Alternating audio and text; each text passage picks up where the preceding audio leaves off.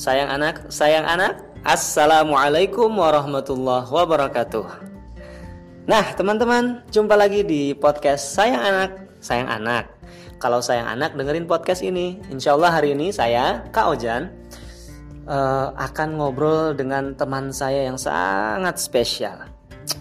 Saya jauh-jauh datang ke pondoknya ini, nggak jauh sih sebenarnya. Tadi saya naik sepeda uh, untuk ngobrol dengan beliau dan insya Allah materi ini sangat berguna buat teman-teman khususnya teman-teman yang ingin anaknya hafal Al-Quran. Nah tema hari ini adalah pendidikan Al-Quran. Bisa baca bisa hafal. Bersama teman saya nama beliau adalah Ustadz Abdul Muiz Al-Hafiz direktur uh, atau mudir mani di daerah mana namanya nih Jagakarsa ya? Masih Jagakarsa Jakarta Selatan. Uh, beliau ini kebetulan teman saya di program pasca sarjana PT IKI Jakarta perguruan tinggi ilmu Quran Jakarta. Hari ini insya Allah kita akan bertanya kepada beliau uh, apa aja sih yang diperlukan supaya anak kita dapat uh, belajar Al-Quran terutama menghafal Al-Quran. Teman-teman siap? Insya Allah siap Baik, kita langsung aja saya sapa. Assalamualaikum warahmatullahi wabarakatuh, Ustaz. Waalaikumsalam warahmatullahi wabarakatuh. Kak Ojan. kabarnya? Alhamdulillah sehat, Kak Ojan. Alhamdulillah, masya Allah. Kita ketemu lagi ya. Sudah lama nggak ketemu. Aduh, masing-masing lagi tesis tapi belum dilanjutkan nih, masya Allah.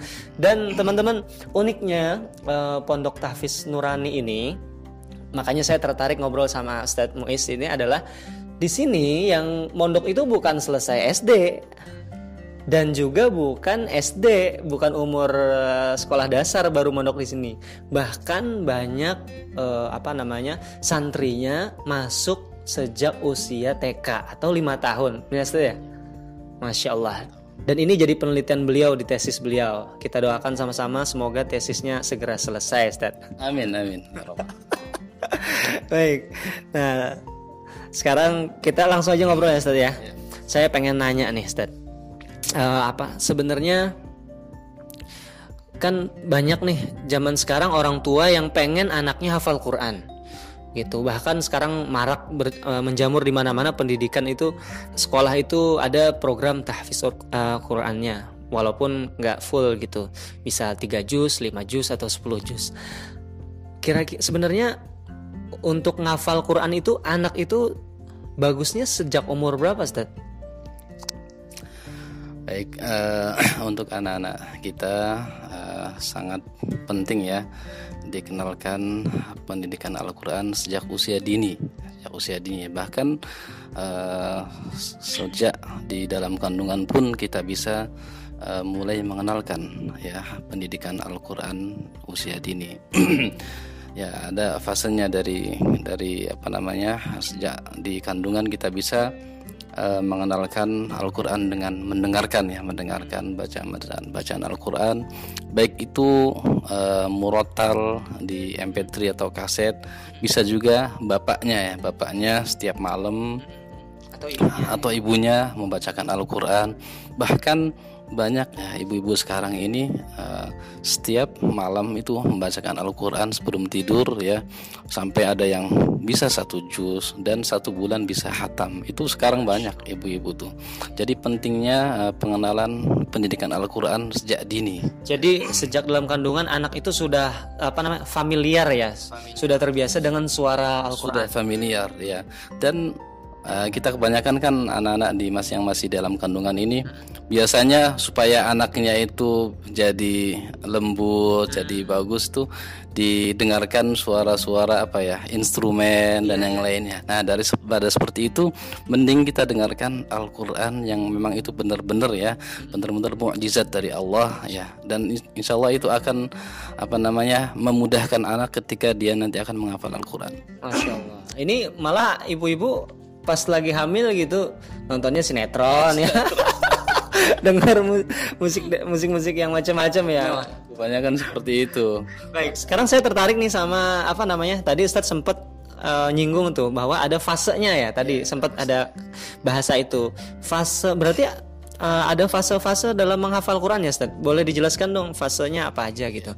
Uh, sebenarnya sih setiap orang tua atau para pendidik, pengajar itu mempunyai trik masing-masing ya. Cuma yang kita apa namanya ajarkan di sini ya, ajarkan di sini fase dari anak uh, usia dini ini dari dalam kandungan ya kita bisa mendengarkan murotal atau bacaan dari ayahnya atau ibunya. Kemudian jika anak sudah lahir juga kita bisa ya kita bisa mulai mengenalkan bacaan Al-Qur'an dengan uh, memutarkan murotal baik itu MP3 atau kaset ataupun ayah ibunya ngaji yang jelas dalam satu hari sampai lima hari anak-anak mendengarkan Al-Quran dalam surat yang sama ya maksudnya tidak tidak okay. 30 juz oh. jadi satu hari penuh itu diputarkan atau dibacakan uh, bacaan ayat yang sama, ayat yang sama. berarti uh, kalau misalnya nih saya di rumah kan ada tuh yang speaker Al-Qur'an tuh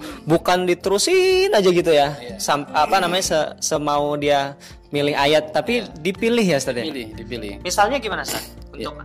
Misalkan ya dalam lima hari ini uh -huh kita putarkan surat Al-Fatihah aja terus setiap setiap hari, hari. setiap waktu ya. Setiap waktu. Jadi selesai Al-Fatihah otomatis diulang ya kita atur ya kita atur oh, ya. gimana ya. caranya supaya Al-Fatihah ini terus diulang sampai lima hari. Lima hari. Ya seperti itu. Setelah Al-Fatihah bisa Anas. Jadi ke juz amma dulu ya. Juz amma dulu surat karena pendek. ya karena ya kita biasakan anak-anak menghafal itu dari surat-surat yang mudah. Oh. Ya, yang mudah. Surat apa namanya? Uh, an, apa Naba juz amma ini kan ayat-ayatnya pendek ya lebih mudah untuk dihafalkan seperti itu. Berarti bukan dari Al-Fatihah terus ke Al-Baqarah ya Ustaz ya? Bagusnya ke juz 30 dulu. Ya. Terus habis itu bagusnya uh, juz 30 ya, selesai juz 30 kemudian surat-surat pilihan, ada surat Yasin, surat Al-Waqiah, Al-Mulk atau Ar-Rahman. Ya, setelah itu baru bisa mulai dari Al-Baqarah. Oh, baik. Nah, pertanyaannya sekarang, ini kan dia umur 0 sampai 4 tahun mungkin ya. Hmm. Diulang terus setelah dia mendengarkan ber, eh, berhari-hari surah itu perlu ditanya, perlu dites apa nggak usah ini dalam fase ini hanya mendengarkan saja atau dites juga untuk fase 0 sampai 2 tahun ya yang ya saya sendiri terapkan itu eh, anak-anak tidak perlu membaca ya harus baca okay. karena anak segitu kan belum paham ya cukup dia mendengarkan saja anak-anak lagi main, lagi makan atau lagi uh, mau tidur. Yang penting anak-anak mendengarkan saja selama fase ini. Baik, berarti tidak dalam uh, tidak dalam fase ini tidak usah dites ya Ustaz ya. Iya. Masya Allah. Kecuali mungkin anak itu tiba-tiba dia ngaji sendiri ya, ya. kita biarkan saja tapi tidak ada target ya. Masya Allah, menarik sekali nih Ustaz. Sekarang berarti setelah fase mendengarkan, fase kedua adalah fase apa Ustaz? Uh, jadi fase kedua ya uh, yang saya terapkan itu uh, antara 2 sampai 4 tahun anak bukan hanya mendengarkan tapi menirukan ya, menirukan bacaan itu, menirukan. Tanpa apa namanya tanpa harus mengenal huruf dahulu. Ya tanpa harus mengenal huruf. Jadi anak-anak selain mendengarkan juga di kita coba ya anak untuk menirukan bacaan itu. Sekalipun ya belum bagus belum benar tapi nggak apa-apa. Fase itu memang fase anak-anak uh, untuk berusaha mengikuti atau meniru bacaan dari kita atau dari kaset-kaset murotal jadi yang ditiru suaranya Ustaz ya? Tanpa dia apa nunjuk uh, huruf tidak mengenal alif bata itu belum dikenalkan tapi dia sudah diajak coba Bismillahirrahmanirrahim terus sudah ikutin gitu. Iya. Berarti ini fase tahsin ya? Uh, sebenarnya sih ya bisa dikatakan tahsin ya, tapi uh, belum apa namanya belum harus dia tuh ikut ya atau bagus ya bro. Berarti penekanannya itu hafalan dan tahsin tapi tidak ditargetkan harus plek sama gitu ya? Ya seperti itu. Hmm. Setelah itu Ustaz? Ya, setelah itu 4 tahun sampai lima tahun ya. Anak-anak di sini kan usia TK ya. Jadi anak-anak um, bisa mulai dikenalkan huruf ya, huruf. Ya. Berarti belajar ikro belajar atau... ikro atau kiroati, metode sedayu seperti itu. Dimulai dari umur 5 Dimulai dari umur 5 tahun yang kami terapkan di sini ini ya. Jadi anak-anak membaca Al-Qur'an itu bukan hanya hafal, tapi dia bisa atau hurufnya tahu tuh. Yang dia baca itu sesuai dengan hurufnya. Berarti umur lima tahun belajar ini ya, baca tulisan ya Ustaz ya. uh, buat teman-teman jadi sebagai info lagi yang santri umur TK di sini umur lima tahun tuh bukan santri pulang pergi, bukan kalong tapi mukim. Jadi mereka 24 jam di sini sebulan baru eh, pulang sehari Ustaz ya. Masya Allah, bayangkan saja ada guru ngasuh anak itu untuk di pesantren dari umur lima tahun, Masya Allah. Berarti setelah fase membaca tulisan tadi, habis itu fase apa Ustaz? Uh, fase uh, umur lima tahun ini kan Eh, anak-anak uh, sudah diajarkan huruf ya. Uh, di fase ini juga anak-anak sudah bisa diajarkan menghafal atau uh, sudah bisa konsentrasi lah untuk menghafal seperti itu.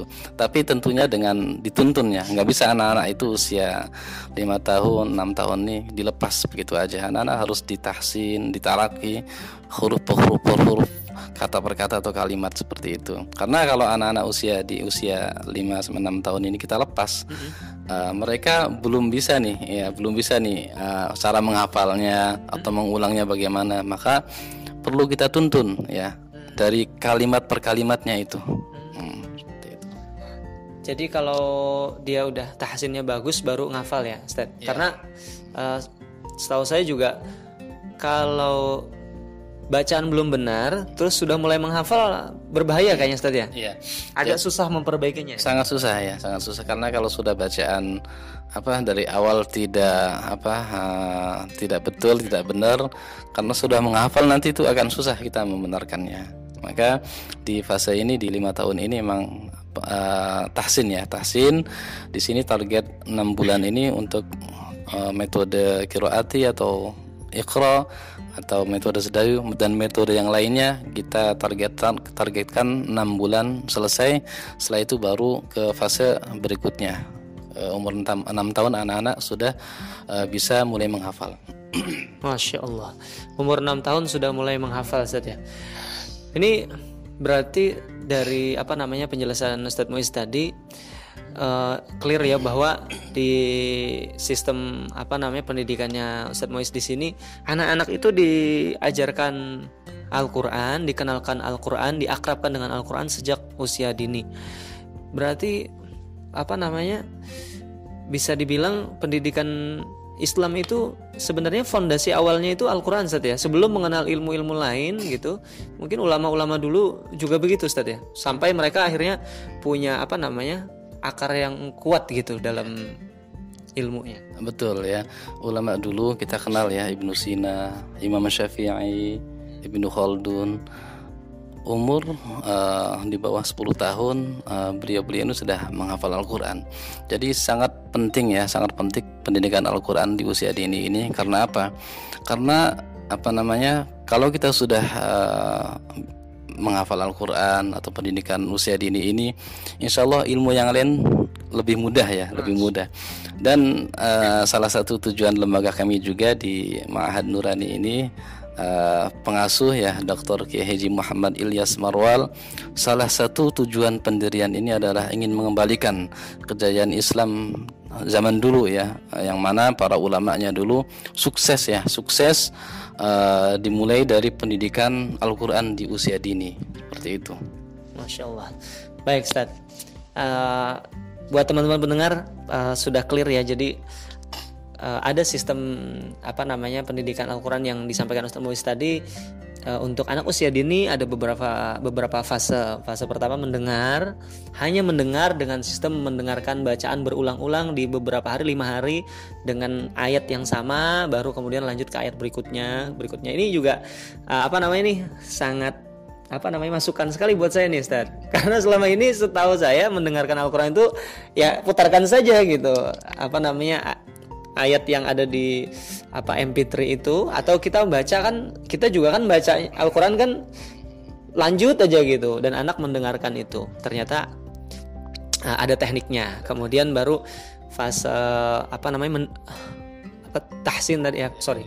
Meniru meniru suara tadi anak diajak untuk membaca bersama walaupun tidak terlalu targetkan karena tahsinnya belum begitu bagus jadi tidak untuk menghafal dulu dulu baru belajar membaca tulisan tadi baik dengan ikro atau kiroati atau sedayu dan lain sebagainya baru kemudian uh, menghafal Ustaz. Masya Allah. Baik, sekarang uh, saya ada pertanyaan Ustaz. Gimana tanggapan Ustaz ini kan sekarang uh, pendidikan menghafal Quran ini kan lagi marak ya Ustaz ya. Bahkan di sekolah-sekolah itu terutama sekolah swasta gitu, sekolah dasar Islam, bahkan SD negeri saya beberapa menemukan sudah punya program tahfiz. Bahkan uh, tahun-tahun sekarang nih kayaknya sekolah, sekolah Islam terutama tidak punya program tahfiz gitu. Itu kurang gitu peminatnya kurang gitu jadi uh, apa namanya alhamdulillah ini perkembangan yang sangat bagus nah itu juga apa namanya berpengaruh ke rumah-rumah. Saya melihat orang tua banyak yang sekarang pengen anaknya hafal Quran karena dia pengen dapat mahkota dari anaknya gitu. Tapi masalahnya nih saya pengen nanya aja nih. Uh, orang tua itu banyak juga yang menuntut anaknya hafal tapi dianya nggak mau berusaha memperbaiki bacaan misalnya baca, uh, bacanya seadanya kemudian dia tidak rajin membaca Al-Quran memasrahkan anak kepada murotal Al-Quran aja gitu menurut Ustadz gimana itu? Uh, menurut saya Al-Quran itu beda dengan apa namanya kitab-kitab yang lain atau pelajaran yang lain. Di mana Al-Quran itu perlu talaki langsung dengan guru. Nggak bisa Al-Quran hanya diajarkan dengan murotal di rumah atau diajarkan ayahnya yang mohon maaf itu kan uh, apa uh, dari bacaannya saja belum belum benar ya. Hmm. Jadi perlu pendidikan Al-Qur'an ini ditalaki, apalagi kalau sudah tahap menghafal, hmm. itu harus talaki dengan guru langsung ya. Jadi uh, apa namanya tidak salah kalau misalkan ada lembaga-lembaga pendidikan ada program tahfidnya tidak apa-apa tapi dibantu oleh orang tua yang di rumah seperti itu dan Uh, kalau kami saran, sarankan kalau memang uh, ingin serius untuk menghafal Al-Quran uh, tempatnya di pondok ya di pondok tahfid yang mukim ya mukim. Kenapa mukim? Karena kalau mukim selama 24 jam santri dipantau oleh guru. Nah, ya. biasanya kalau orang menghafal Al-Quran kan ada dua kegiatan ini ya. Ada ziyadah ada murojaah. Ya ziyadah dan murojaahnya ini dipantau oleh guru, ditahsin, ditalaki oleh guru. Ya, sedangkan kalau yang pulang pergi ya bisa, cuma eh, keberha tingkat keberhasilannya tuh minim ya, kecil karena apa? Karena eh, setelah dia ziyadah di sekolah, kemudian pulang ke rumah. Iya kalau di rumahnya misalkan juga diajarkan atau dibimbing atau disimak sama orang tuanya. Nah, biasanya seperti itu.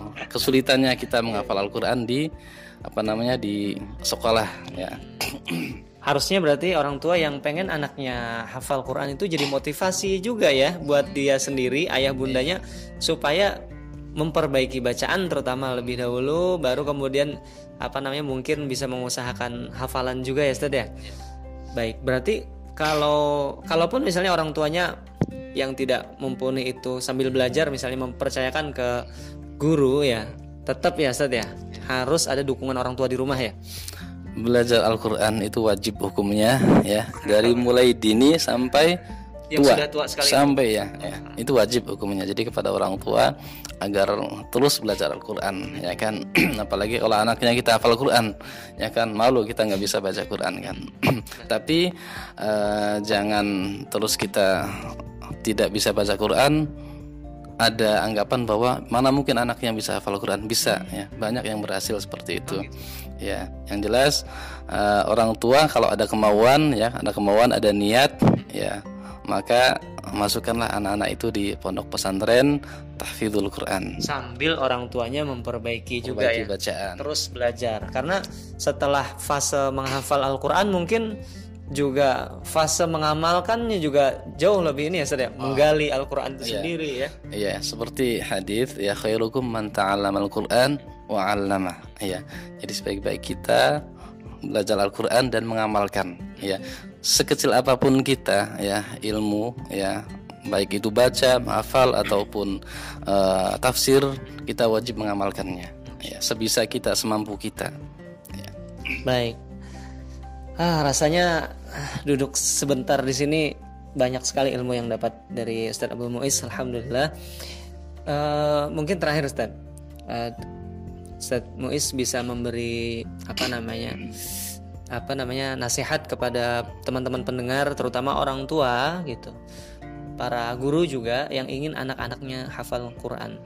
Mungkin dikasih apa namanya sedikit nasihat dari Ustadz. Baik. Uh, kepada bapak ibu yang apa namanya mempunyai cita-cita anak-anaknya ingin menghafal Al-Quran hafal Al-Quran ya. Uh, yang pertama uh, niat ya niat yang sungguh-sungguh. Kemudian ikhlas ya ikhlas dan uh, yang pertama tipsnya adalah pastikan bahwa anak-anak ini baik itu di pesantren maupun di sekolah uh, dari makanan ya uh, dari makanan uh, diusahakan dan diharuskan ya terjaga ya dari ke haraman seperti itu ya. Dipastikan anak-anak ini makan makanan yang halal. Kemudian yang kedua dalam uh, mendidik anak ya itu bisa dimulai dari dalam kandungan dengan mendengarkan Al-Qur'an ya baik MP3 ataupun orang tuanya. Kemudian uh, mulai menerapkan metode kita membelajar belajar Al-Qur'an ya untuk anak-anak itu dari fase tadi itu. Ya kan dari mulai mendengarkan, membaca sampai menghafal.